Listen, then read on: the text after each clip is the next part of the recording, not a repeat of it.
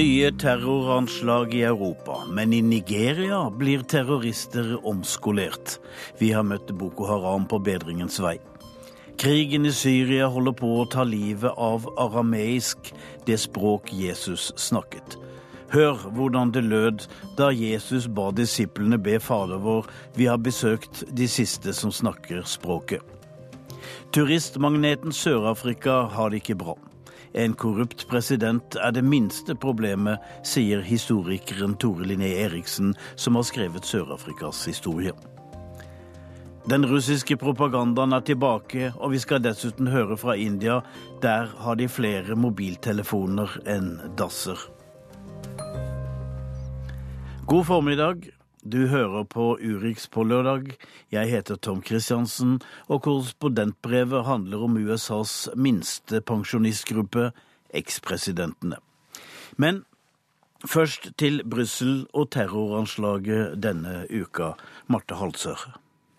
Det er nå gått fire dager siden terroristene slo til mot flyplassen og undergrunnen i Brussel.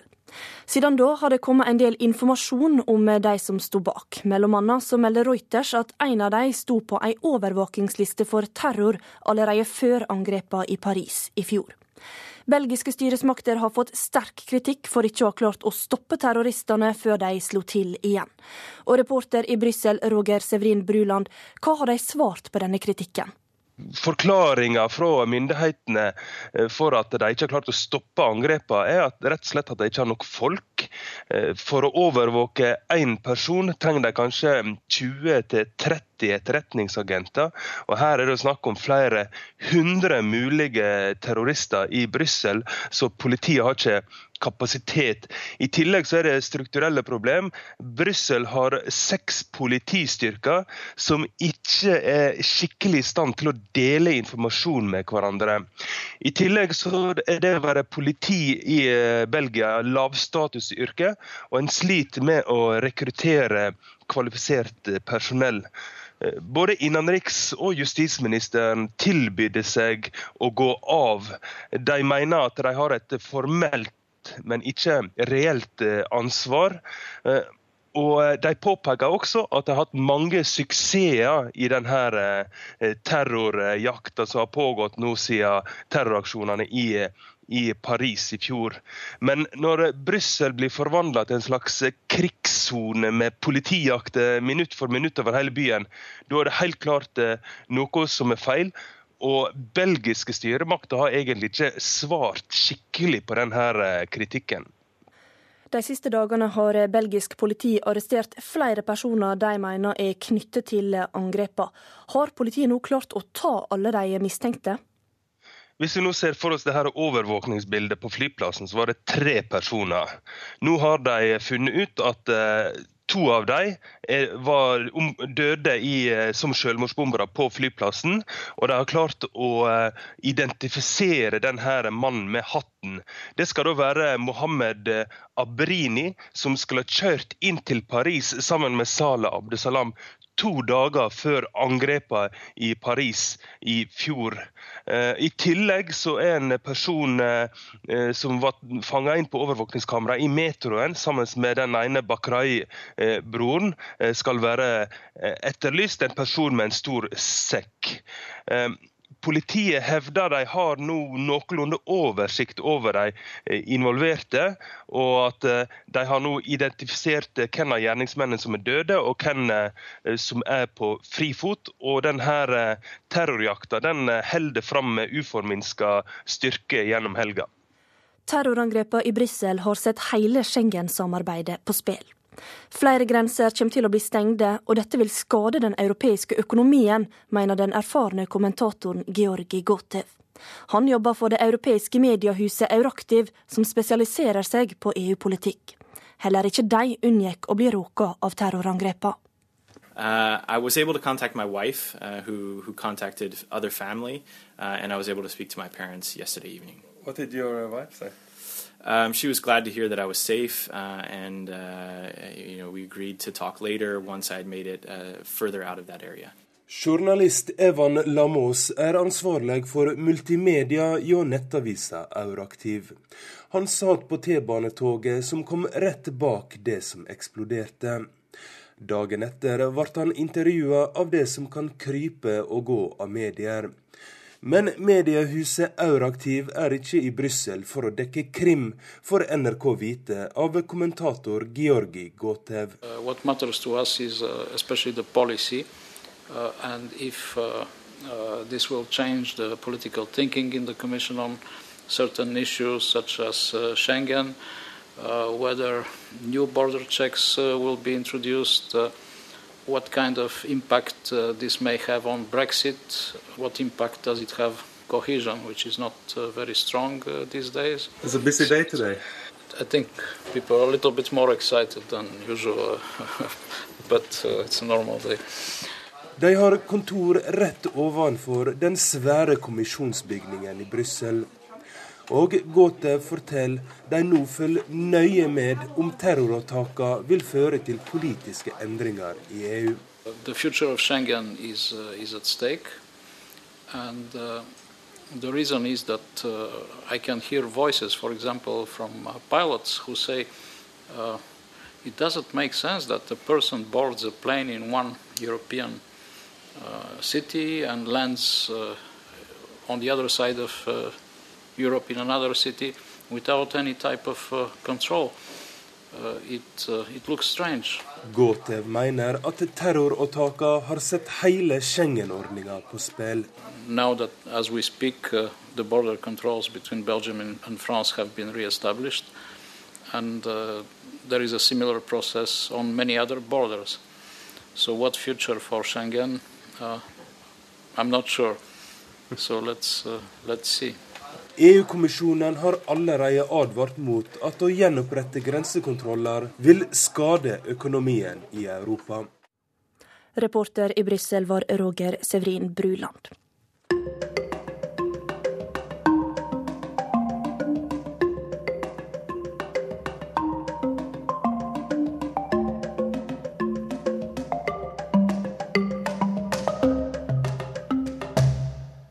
Til terror i Nigeria, der kampen mot Boko Haram har tatt helt nye retninger.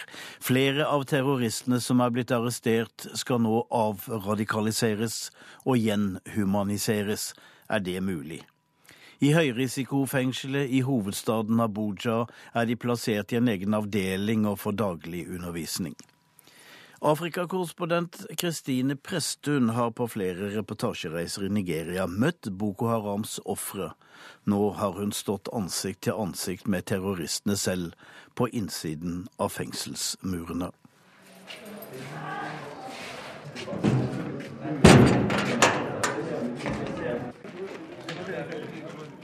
Vi er inne bak murene. The BH uh, inmates That's the section we are going. And BH, what does that stand for? That's, uh, we call them Boko Haram. Vi står i en mørk gang i Kuje fengsel, som ligger i utkanten av Abuja, Nigerias hovedstad. Politimann Joseph Yaro Anjobaga er underdirektør i fengselet. Han skal ta oss med til avdeling BH, Boko Haram.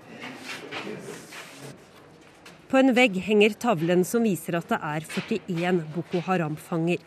Militante islamister som er kjent for å bortføre og voldta skolejenter og sende barn med bomber rundt livet ut blant folk. Fra de mørke gangene kommer vi brått ut i det støvete dagslyset. På denne tiden av året danner fint støv fra Sahara et lett skydekke over Abuja. Midt i bakgården med sandgulv og høye murer rundt er frisøren i full gang med å barbere og klippe en Boko Haram-fange. Det er klart vi ikke vil ha fanger med buskete hår, sier Joseph Anyobaga, mens han forteller om hvordan de i dette fengselet jobber for å omvende terrorister til lovlydige samfunnsborgere. The goal is to de-radicalize Vårt mål er å deradikalisere de som har blitt radikalisert, forteller politimannen. People. Her skal vaktene hjelpe fangene med å oppdage at det finnes bedre måter å bruke livet på enn å være med i en ekstremistisk religiøs sekt som dreper folk og voldtar mindreårige. Men vaktene prøver ikke å få fangene bort fra islam. Det er Boko Harams perverse versjon av islam som de vil til livs. So this is the mosque area. Inmates are allowed to practice their faith. So this is where the Muslims pray. I think the mosque is beautiful. En vakker bygning, sier Anjobaga, som viser oss et gult, nymalt murhus, fengselets moské. I huset ved siden av moskeen ligger lyse klasserom på rekke og rad. This education, some of them came, they don't know anything about computer, but today they can manipulate computer. Vi er opptatt av å tilby fangene utdanning. Flere har lært å lese her, og vi har datamaskiner til dem som er interessert, sier politimannen. Det er EU som har betalt for oppussingen. Fangene her har det mye bedre enn andre innsatte. Nigerianske fengsler er kjent for elendige soningsforhold. Fangene har vanligvis mer enn nok med å prøve å overleve. Dette fengselet er også overfylt. Det ble bygget i 1989 med plass til 80 innsatte. I dag er det over ti ganger så mange fanger her. Men de som deltar på deradikaliseringsprogrammet, får sove i senger. De har luksusartikler som såpe og toalettpapir, spiller fotball og får terapitimer med psykolog. Alt er tilbud til fengselets kanskje farligste fanger. Very, very Vi møter dem utenfor skolehuset. De mistenkte terroristene står i en sirkel og snakker sammen. Unge menn, noen i jeans og T-skjorter, andre i mer tradisjonelle klær. Midt blant dem står en mann i 40-årene med stor mage, hvit kjortel i glinsende stoff, Ray-Ban solbriller og gullring. Politimannen hilser på ham først. How are you? How are you? How are you? How are you? How are you? They are the, uh, the BH uh, suspects. You seem to be good friends. I am, we are, we are. Så tar også jeg Boko Haram-mennene i hendene. For første gang møter jeg de som jeg så ofte har rapportert hjem om. De som har ødelagt livet til hele familier, og de bortførte mindreårige jentene som jeg har intervjuet på mine tre besøk i Nord-Nigeria. Hello. Hi, nice yes. to meet you. Uh, okay. Hi, nice to meet you. I'm Christine. Yes.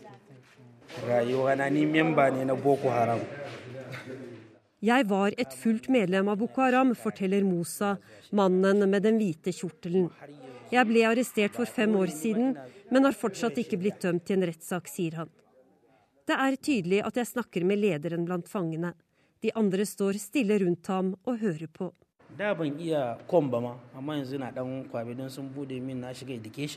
Jeg er glad for å være en del av dette.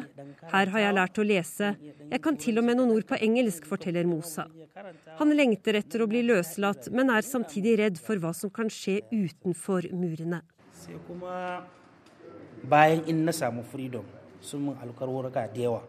Jeg har erklært høyt og tydelig at jeg ikke lenger er medlem av Boko Haram. Derfor er det farlig for meg der ute.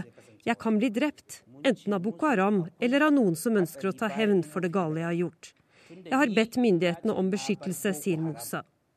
Han forteller at han drev et vaskeri før han ble medlem av sekten. Drømmen er å gjenåpne det.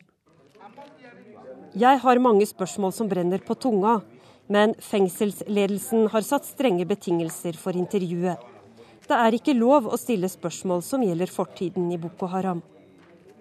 Men jeg glemmer meg og spør Mosa hvorfor han ble medlem av Boko Haram. Da stanser politimannen meg. Men nå blir fangene ivrige. De snakker i munnen på hverandre. De virker frustrerte, nærmest aggressive. På veien tilbake spør jeg Joseph Anjobaga om han noen ganger er redd der inne med drapsmennene.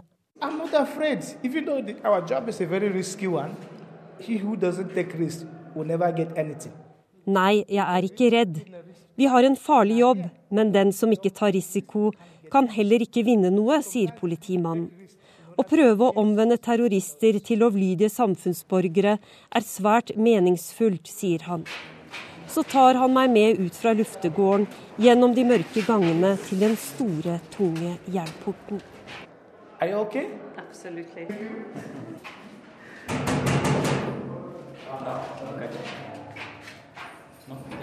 okay?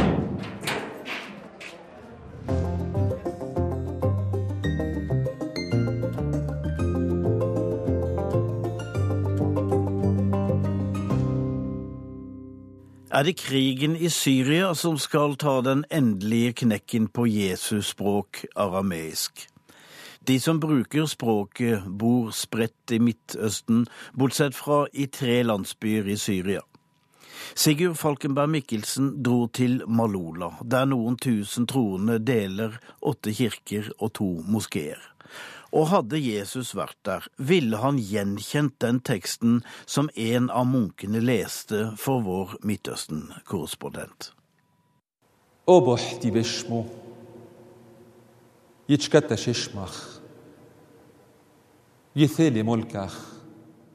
Slik lød det kanskje den gangen Jesus lærte sine disipler bønnen Fader vår.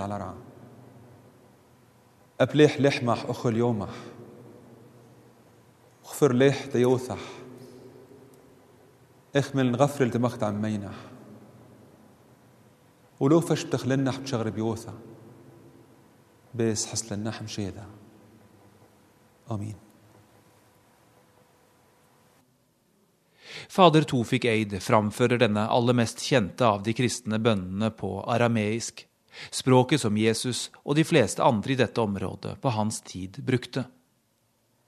Arameisk ble gradvis fortrengt av arabisk, men har blitt holdt i hevd her i den syriske byen Malula. Byen ligger klemt inne mellom fjellsidene og er et spesielt sted for de kristne her i Midtøsten. Det er et av de første stedene hvor den kristne tro viste seg like etter Jesu død. Det skjedde da en ung kristen jente som het Tekla, rømte fra sine forfølgere. Fjellet skal så ha åpnet seg for å beskytte henne, ifølge kristen tro. Og det er ikke vanskelig å skjønne hvor dette kommer fra når man er her i Malula, for det åpner seg vitterlig en tynn gang gjennom fjellet øverst i den trange dalen. Tekla hadde latt seg omvende etter at hun hørte Paulus forkynne, og var en viktig helgen i den bysantinske kirken. Det ble bygget mange klostre og kirker her, og arameisk har vært holdt i hevd i Malula. Men nå er det under press som aldri før. For mens Malula var et kjent turiststed i fredens Syria, har det blitt kjent av andre årsaker i løpet av borgerkrigen. On the, uh, on, the, on the painting on the wall there in the corner on the left and on the side and even uh, I åtte måneder i 2013 ble byen holdt av opprørssoldater, eller terrorister som fader Tofi kaller dem, etter å ha korrigert mitt spørsmål. Han mener de ødela alt og satt fyr på byen. It was in fact taken, yes, for eight months, uh, Marula, by the terrorists, and they, they uh, uh, damaged everything. In fact, they, they destroyed everything. They uh, burned, burned uh, everything. In fact, in Malula. Han forteller også at de ødela mange ikoner. Noen av dem står utstilt nederst i kirken. Øynene er rispet ut på både helgener, jomfru Maria og Jesusbarnet. Yeah. Uh, so here we see some of the destroyed uh, icons, and the cross is destroyed, but also the eyes. Why, why do you think they, they, they destroyed the eyes? I guess that uh, when somebody is uh, doing something bad, in fact, so he doesn't want that uh, to be to be watched by somebody.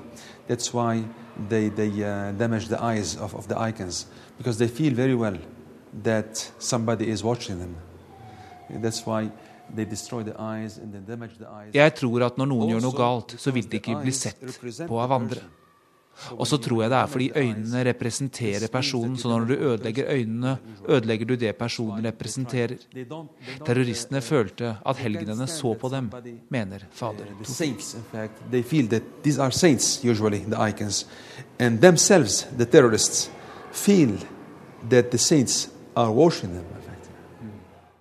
Det bodde en gang rundt 3000 personer her i Malula, en blanding av kristne og muslimer. Av dem har rundt 1300 mennesker kommet tilbake. Det er vanskelige tider for det som var en av Midtøstens største minoriteter. For fader Tofik er det påskebudskapet om gjenoppstandelse som holder kristenheten oppe i disse tidene. Without this spirit, we cannot continue.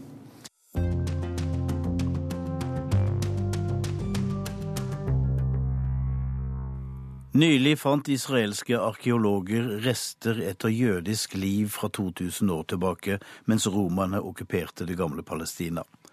Arkeologi i Det hellige land, det er som å rote rundt i bibelhistorien. Og så er det brennhet politikk for hvem var her først, og dermed hvem eier landet?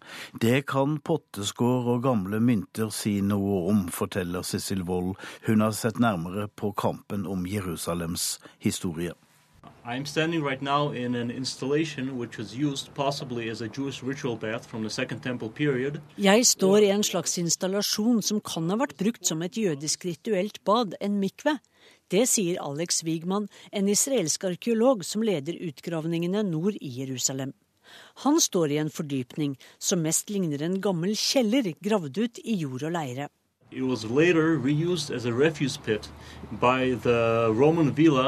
Senere ble dette stedet brukt til avfall for romerne, som bodde her i en stor villa fra slutten av romertiden, sier han. Inside this pit, we found thousands of uh, broken vessels.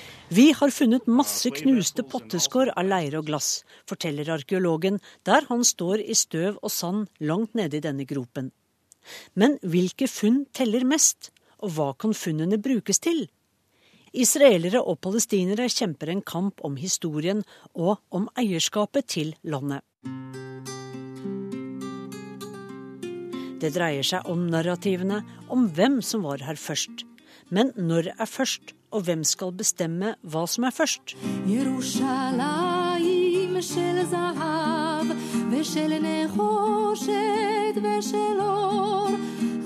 Jerusalem av gull, Jerusalem av bronse og av lys, synger Soli Natan i en av de mange sangene som hyller denne sagnomsuste byen. Sangen 'Jerusalem av gull' ble skrevet våren 1967 og uttrykker en 2000 års jødisk lengsel spesielt til gamlebyen.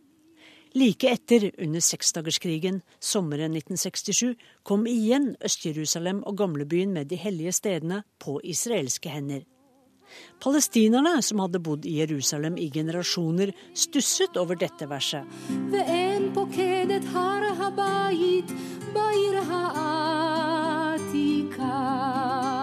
Brønnene har tørket ut. Markedsplassen er tom, og ingen besøker lenger tempelplassen i gamlebyen, synger Nathan i sangen. Hva, er det ingen på markedsplassene eller på tempelplassen? Vi har jo vært der, sa palestinerne. Kampen om tilhørigheten til byen og landet er storpolitikk. Derfor er også arkeologi politikk, som det meste annet er i den israelsk-palestinske konflikten. Jerusalem har vært erobret mer enn 40 ganger. Av jøder, persere, romere, arabere, korsfarere, for å nevne noen. Og nå israelerne. Jebusittene var der visst aller først. Og alle folk har satt sine spor gjennom tidene. Da arkeologene begynte å grave på nedsiden av Jerusalems gamleby, ble feltarbeidet raskt til brennbar politikk. Den ideologiske bosetterorganisasjonen El-Ad kontrollerer denne utgravningen. Deres mål er å vise at det er spor etter jødisk liv fra gammelt av, for å knytte det jødiske folket og israelerne til bydelen. Denne eldste delen av Jerusalem ligger rett nedenfor gamlebyen, der templene skal ha stått. For ti år siden het bydelen Wadi Hilve den vakre dalen på arabisk men palestinske Wadi Hilve ble omgjort til det hebraiske Ir David, Davids by. Organisasjonen El-Ad, som står bak den arkeologiske utgravningen og temaparken Davids by, er drevet av bosettere som jobber for at jødiske bosetterfamilier skal flytte inn i arabiske nabolag i Øst-Jerusalem, for å styrke den jødiske tilstedeværelsen. El-Ad planlegger en ny, stor turistpark bygget rundt fortellingen om at kong David bodde her for 3000 år siden. I Davids byutgravningene har arkeologer funnet rester etter et hus fra kong Davids tid, og så lenge ingen kan motbevise det, ja, så er dette kong Davids residens og dermed en viktig del av jødisk historie og tilhørighet til byen. Men skal den nye parken få plass, må mange palestinske familier tvangsflyttes, og hjemmene deres rives. Kampen om Davids by har ført til flere voldelige sammenstøt mellom bosettere, Elad-folk og palestinerne som bor der. Ir David høstet kritikk da de opprettet en hjemmeside på nettet for noen år tilbake. På tidslinjen var det ingenting å lese om de nesten 2000 årene mellom år 70, da romerne ødela det andre tempelet, og år 1880, da europeiske jøder begynte å innvandre til området. Nå er tre punkter satt inn på tidslinjen. Den bysantiske perioden, den arabiske perioden og den osmanske perioden. En av arkeologene som trakk seg fra utgravningene fordi han reagerte på at arkeologien ble brukt politisk, var Rafael Grinberg. Arkeologi skal fortelle oss hvordan folk levde, og ikke brukes i politisk kamp, mener han. Greenberg har funnet bevis på at rester etter muslimske graver ble fjernet mens funn som viser spor etter jødisk liv, ble tatt vare på og vist frem. Jerusalem er et paradis for arkeologer. When we, the archaeologists, arrive here, we discover here ancient remains Amit Rem har funnet at et gammelt barnehjem ble brukt som base for den israelske hæren. Før det brukte britene bygningen, og før det var det tyske kristne innvandrere som bodde her.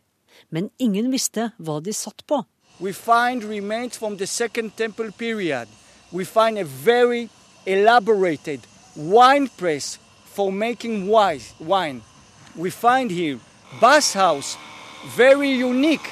For vi har funnet spor fra perioden til det andre tempelet. Vi fant en avansert vinpresse og et badehus fra romertiden.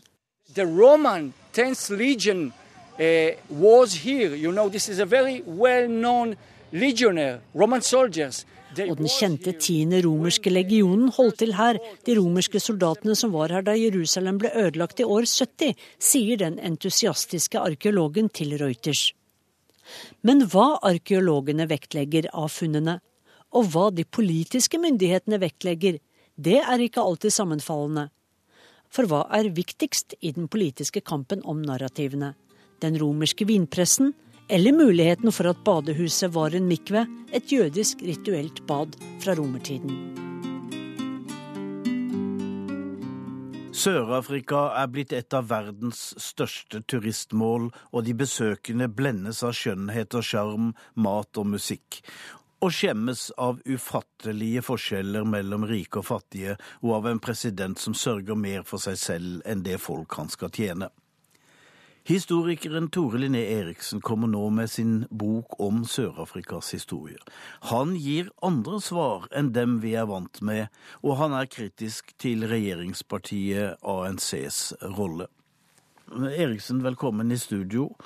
Så da er det kanskje rett da å si at de som før apartheid knelte, sa at dette avanserte landet ikke kunne styres av de svarte, at de hadde rett? Eh, det avanserte, utviklede samfunnet som noen oppfattet det som, det var jo et av verdens mest Eller et av de samfunnene i verden mest preget av ulikhet av undertrykking basert ikke bare på økonomisk undertrykking, men på en jordfordøyling jordfordeling hvor de hvite eide mesteparten, nesten all jorda.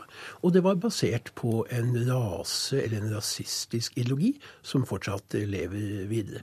Dessuten vet vi jo, når man ser litt mer spesielt på hvorfor dette systemet brøt sammen utover på 1980-tallet, lenge før Eh, Mandela og de Klerk liksom begynte sine samtaler, så var systemet i ferd med å bryte sammen. Nettopp fordi det ikke var levedyktig.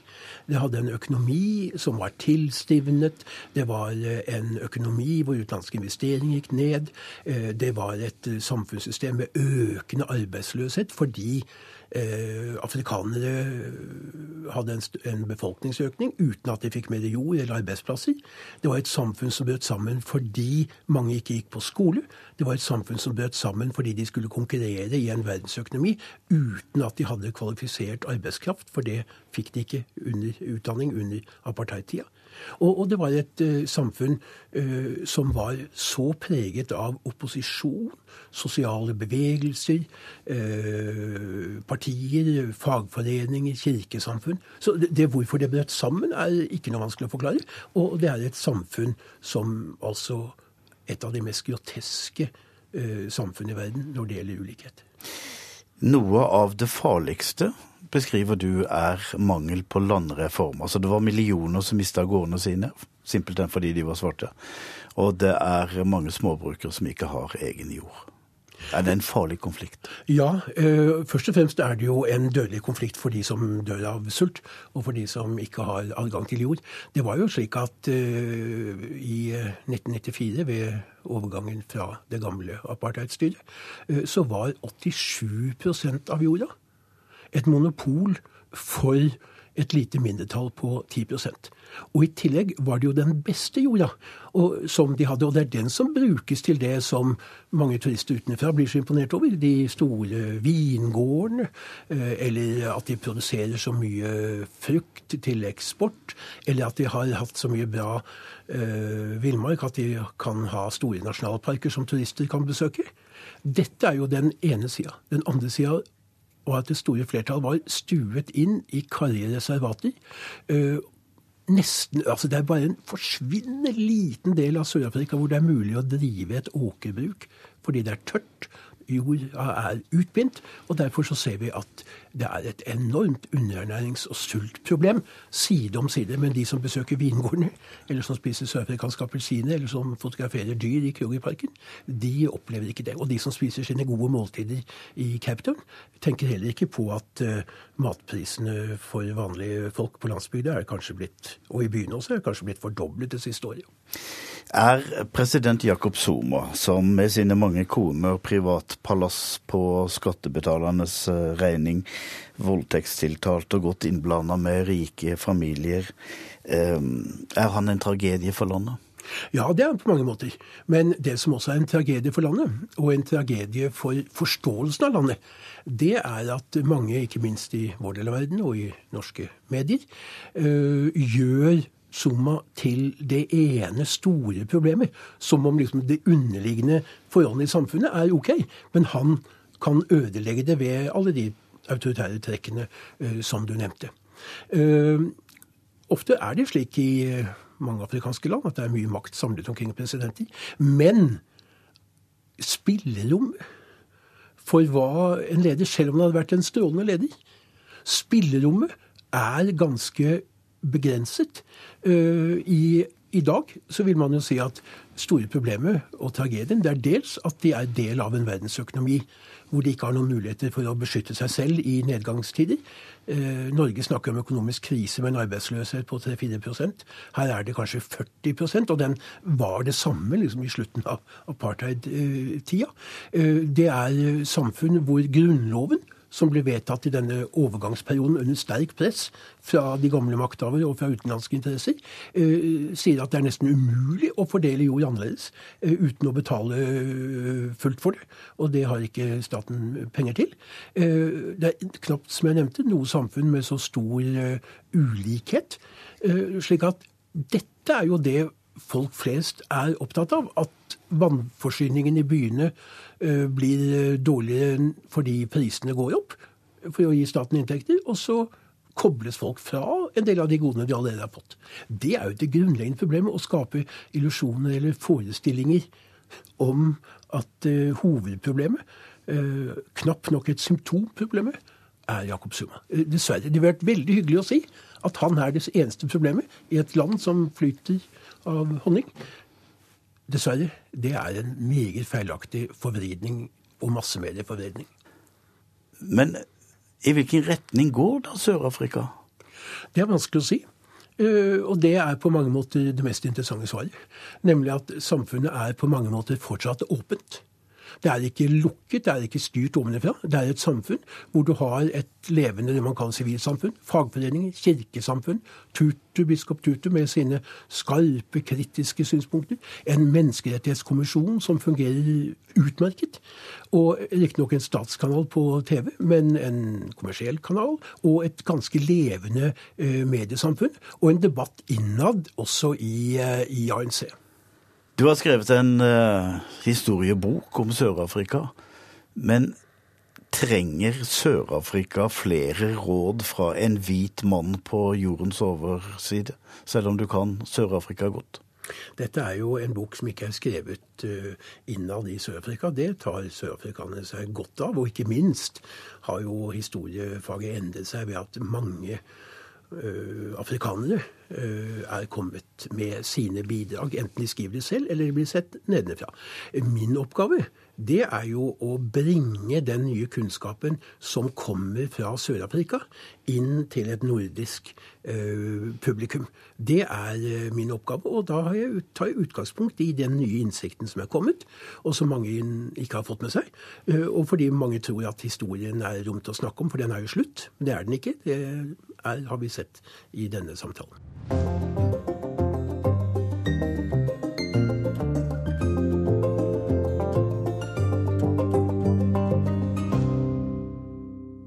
Etter mange år i skyggenes dal er interessen for propagandakunst fra sovjetperioden økende i Russland.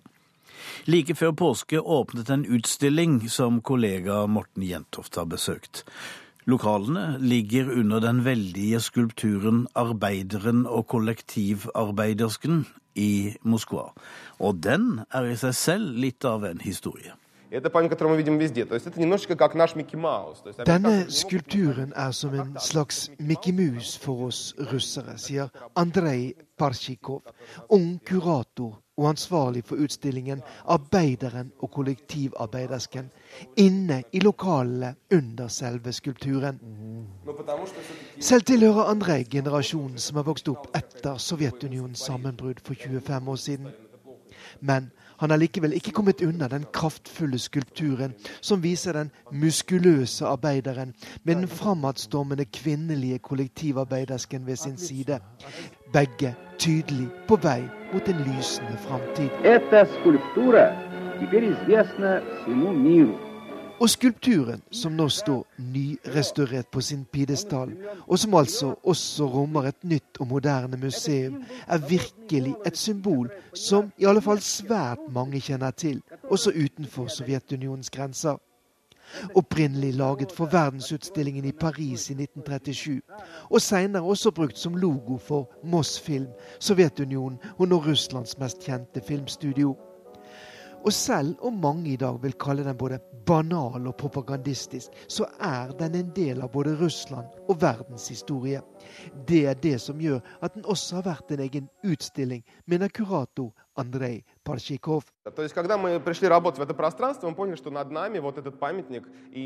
Vi måtte sette i gang en omfattende research for å få fram hele historien rundt denne skulpturen, sier Andrej Parsjikov. Og gjennom det arbeidet fikk vi fram svært mye nytt og interessant. Dette er utvilsomt en del av vår historie, sier den unge og entusiastiske kuratoren bak utstillingen, som nå forteller hva som skjedde fra skulpturen for første gang ble presentert i Paris i 1937, til den nå står høyt hevet utenfor et stort utstillingsområde nordøst i Moskva.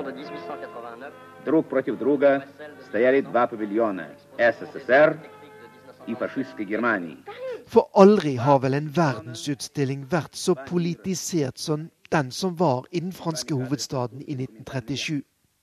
Ikke bare gjorde Pablo Picassos effektfulle maleri av den tyske bombingen av byen Guernica under den spanske borgerkrigen inntrykk. Utstillingen huskes nok mest for at de tyske og sovjetiske paviljongene står rett imot hverandre. Med den tyske ørnen og hakekorset på den ene siden, og arbeideren og kollektivarbeidersken med hammer og sigd i hånden på den andre. павильон советский, э, советский павильон и павильон нацистской Германии стояли друг напротив друга. Da Hitler kom for å se utstillingen, så han at den sovjetiske paviljongen var noen meter høyere enn den tyske, forteller kurator Andrej Parsjikov. Derfor ga han beskjed om at det skulle plasseres et hakekors under den tyske ørnen, slik at den tyske paviljongen ble høyere. Det som seinere skulle bli andre verdenskrig, var i full gang, i alle fall på kunstens område, sier Parsjikov.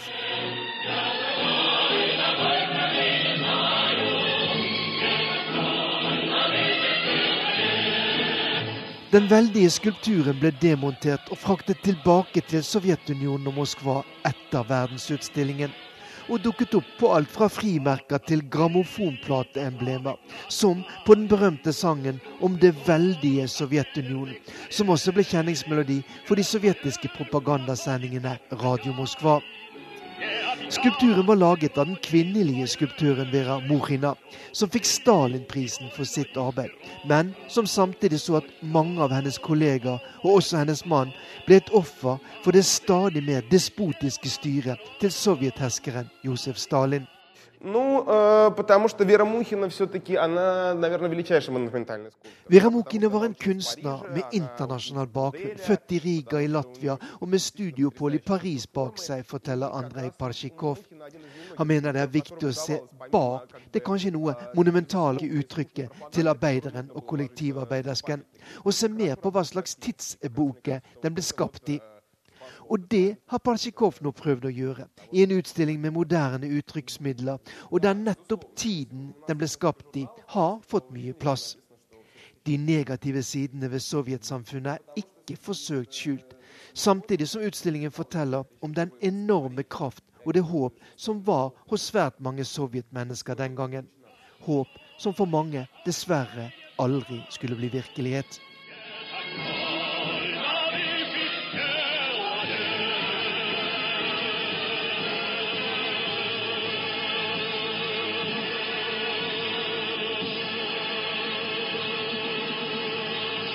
I India er det vanligere å ha mobiltelefon enn et avtrede.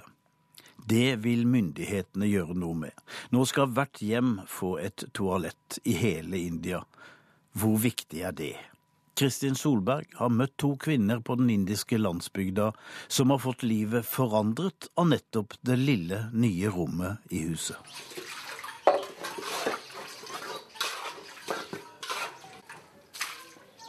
Hun lever et tradisjonelt liv, landsbykvinnen Shakantula Tanwar. Seksbarnsmoren på 53 år har ikke innlagt vann, men henter det i en konteiner på gårdsplassen. Det er der hun tar oppvasken for hånd. Dagene går med til husarbeid som dette, og til enkel gårdsdrift. Hun har noen vannbøfler, og hun feier ofte i innhegningen der de står. Det er slik livet alltid har vært for Shakantula, og for mange andre på den indiske landsbygda. Men én ting er nylig blitt annerledes, i det minste for henne. En ting de fleste tar helt for gitt, men hvis mangel skapte mange problemer for hennes familie. तो इसलिए हम तो बहुत परेशान थे पहले क्योंकि काफ़ी बीमार भी बहुत ज़्यादा होते थे और जब पानी भर जाता था खेतों में तो सड़कों पर जाते थे Vi pleide å bli syke, og når jordene ble oversvømt, måtte vi gå på gaten isteden, og der hendte det at folk kastet stein på oss, sier Shakantula om tiden før hun fikk et innendørs toalett. और जब से टॉयलेट हमारे घर में बनी है जब से तो हम बीमार भी नहीं रहते और बहुत अच्छे से रहते हैं और बहुत अच्छे से Nå som vi har et toalett, er alt bra, og vi blir ikke lenger syke, sier hun. Tidligere måtte hun og døtre og svigerdøtre forlate huset og gjøre sitt fornødne på jordene. Som kvinner i en konservativ landsby måtte de holde seg hele dagen og kun gå ut om kvelden. Det førte til helseplager for dem alle. I tillegg gjorde den dårlige sanitære situasjonen i landsbyen at mange ble syke. Now every house has a toilet. This is that nobody should go outside for. Dette er mannen de kan takke for det. Han heter Bindersvar Patak og er grunnlegger av organisasjonen Sulab International. Mange kjenner ham bare som Indias toalettmann, For han har dedikert livet sitt til å bygge toaletter og bedre sanitære forhold. Because they have a lot of diseases, and women especially suffer the most. They have to go before sunrise, after sunset. Uten toalett er det mye sykdom, og kvinner lider mest. De må gå før soloppgang eller etter solnedgang, og de risikerer å bli voldtatt eller å bli bitt av slanger og skorpioner. Nå går de på toalettet i sikkerhet og med verdighet, sier han. 770 millioner mennesker i India har ikke tilgang til et toalett. Faktisk er det slik at flere indere har tilgang til en mobiltelefon enn et toalett. Det vil indiske myndigheter gjøre noe med, og de har startet flere kampanjer. Målet er at alle hjem skal ha et toalett, noe kritikere mener kan bli vanskelig. Men det er ikke bare menneskene med toalett hjemme som får et nytt liv. Innendørstoalett betyr også at noen blir befridd for det som bare kan beskrives som slavearbeid, nedarvet i generasjoner. Now, because these flush toilets were flush toilets, therefore now they are not clean. And therefore, untouchables are not required to clean their toilets. Nå som de har toaletter som kan trekkes ned, trenger de ikke å bli tømt manuelt, og derfor trenger man ikke de uberørbare til å rengjøre toalettene, sier Bindersvar Patak. Den andre delen av jobben hans er å befri dalitter, såkalte uberørbare, som tradisjonelt har gjort det som bare kan beskrives som en møkkajobb.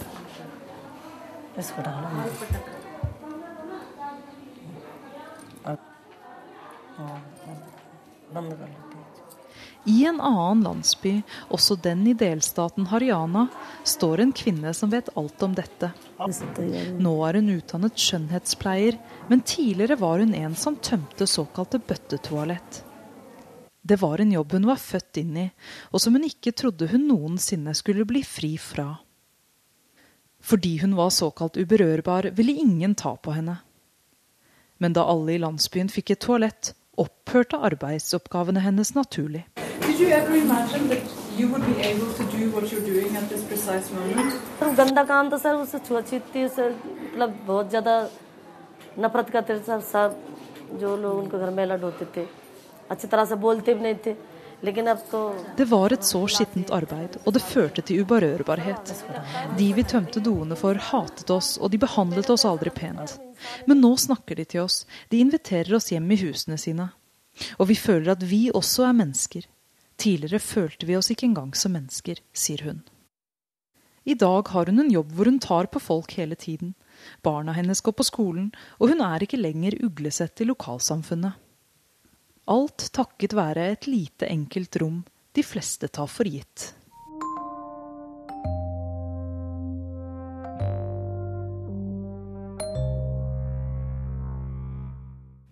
Dagens korrespondentbrev kommer fra en tidligere korrespondent, Joar Hoel Larsen.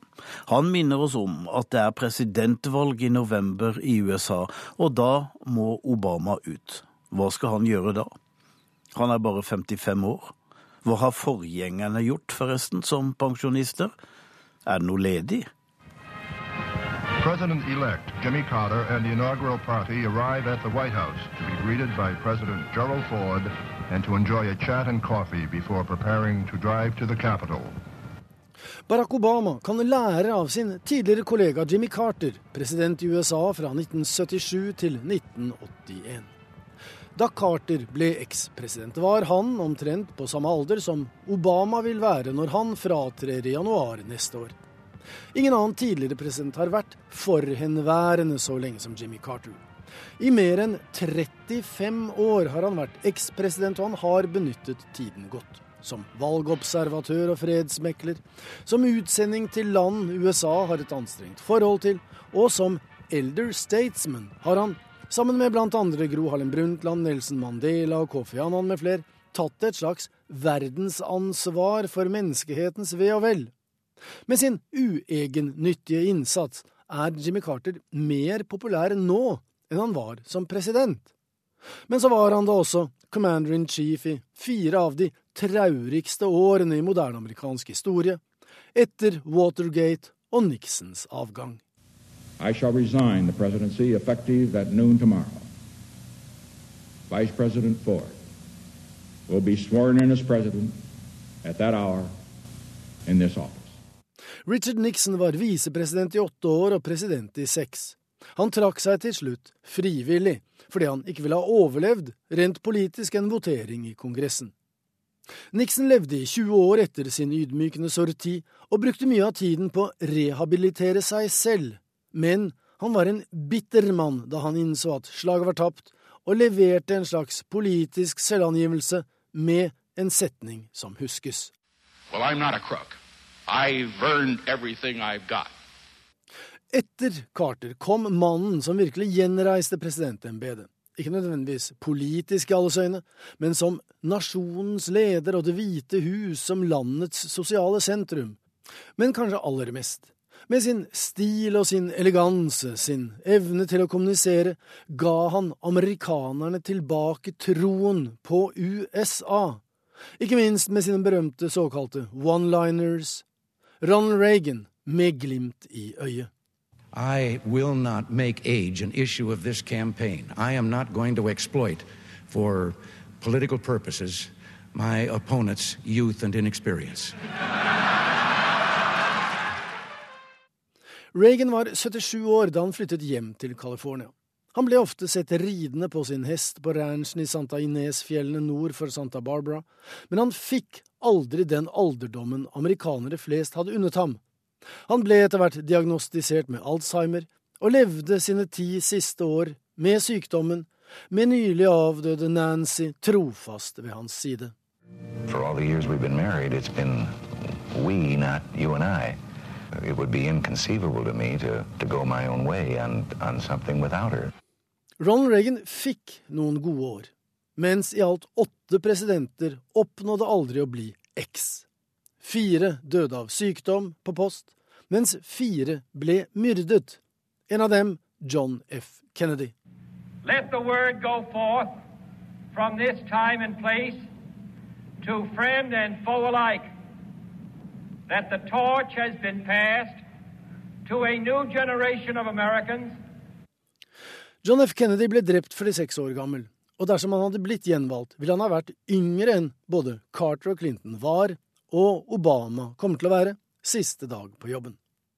Men om John F. Kennedy gikk bort, så har det amerikanske folk sørget for å holde minnet om ham levende. Når det gjelder mytedannelse og helgenstatus, kan ingen ekspresident måle seg med JFK, i hvert fall ikke denne mannen, som takket for seg i 2009. Tonight, with a thankful heart, I have asked for a final opportunity to share some thoughts on the journey that we have traveled together and the future of our nation. Men i de drøyt syv årene som er gått siden George W. Bush tok avskjed, har han i all hovedsak gjort det som forventes av en ekspresident, holdt en lav profil og ikke lagt seg borti hva etterfølgeren holder på med. Dessuten skal man ikke se bort ifra at det etter åtte år med press og ansvar kan være deilig å ha noen rolige dager. Bush sykler, han har begynt å male, har skrevet sine memoarer, og i likhet med andre ekspresidenter åpnet sitt eget bibliotek med dokumenter og papirer fra sine åtte år i Washington. Og det er alltid stor pomp og prakt med VIP-gjester på høyt plan, som Bill Clinton, når slike museer åpner. Thank you very much, President and Mrs. Bush, and President and Mrs. Obama, President and Mrs. Carter, all the representatives here of the other previous presidents, the Ford, Nixon, Johnson families. Og det er vel bare å innrømme, som medieyndling er det Bill Clinton som er vår tids ekspresident med stor E. Det er snart 16 år siden han gikk av, men han har stort sett vært der. Hans Clinton Foundation har gitt millioner av kroner til verdig trengende i fjerne land, så han er fortsatt aktiv på den internasjonale arena. Han har sjarmert og forført, om ikke unge damer, så i hvert fall store folkemengder, der han dukker opp. Han har skrevet bøker og slitt litt med helsa, slik forhenværende presidenter, og mange eldre for øvrig, gjerne gjør. Han drev valgkamp for Hillary i 2008 med vekslende hell, og støtter kona igjen nå, og kan altså bli den første ekspresident som blir first gentleman. Da vil han kunne holde nye taler uten honorar. For sammen skal ekteparet Clinton, ifølge CNN, ha tjent mer enn én milliard kroner på taler etter at Bill gikk av. As another president once said, there they go again. I tillegg så må jo ekspresidenter se seg tilbake, fortelle om livet sitt i smått og stort til utvalgte journalister som i slike sammenhenger sjelden stiller ubehagelige og kritiske spørsmål. Som George Herbert Walker Bush, som svarer på spørsmål om den gang han traff Barbara, ektefellen, gjennom mer enn 70 år. I said, Who is this good looking girl, that beautiful girl over there? That's Barbara Pierce from Rye, New York. And you said she was the life of the party. Oh, yeah, and still. Dessuten, livet skal normaliseres, og presidentene må resosialiseres. Etter åtte år må de gjenforenes med sin samtid. Obama må lære seg å bruke nettbank og laste ned apper, og han har hatt folk til å servere seg kaffe og neppe sittet bak rattet i en bil, så det er mye å ta fatt i. Men han kan også holde foredrag som han er god til, kaste glans og flagge hjertesaker. Obama kan kulen på Hawaii der han vokste opp, og lese så vel som skrive bøker. Dessuten vil han i likhet med sine forgjengere kunne videreutvikle posisjonen. Obama har fire læremestere i live. To av dem er over 90 år. Den eksklusive klubben møtes sjelden, men det skjer. Og de holder kontakten, for de har en yrkeserfaring som bare de tre andre er i stand til å forstå. Og seg imellom har de i hvert fall én felles interesse som overskygger eventuelle politiske motsetninger, og det er å ivareta og forsvare ekspresidenters omdømme og anseelse. Urix på lørdag er kommet til veis ende. Teknisk ansvarlig Lisbeth Sellereite og Erik Sandbråten. Produsent Kari Bekken Larsen. I studio Marte Halsør og Tom Christiansen. Deler av denne sendinga ble redigert onsdag denne uka.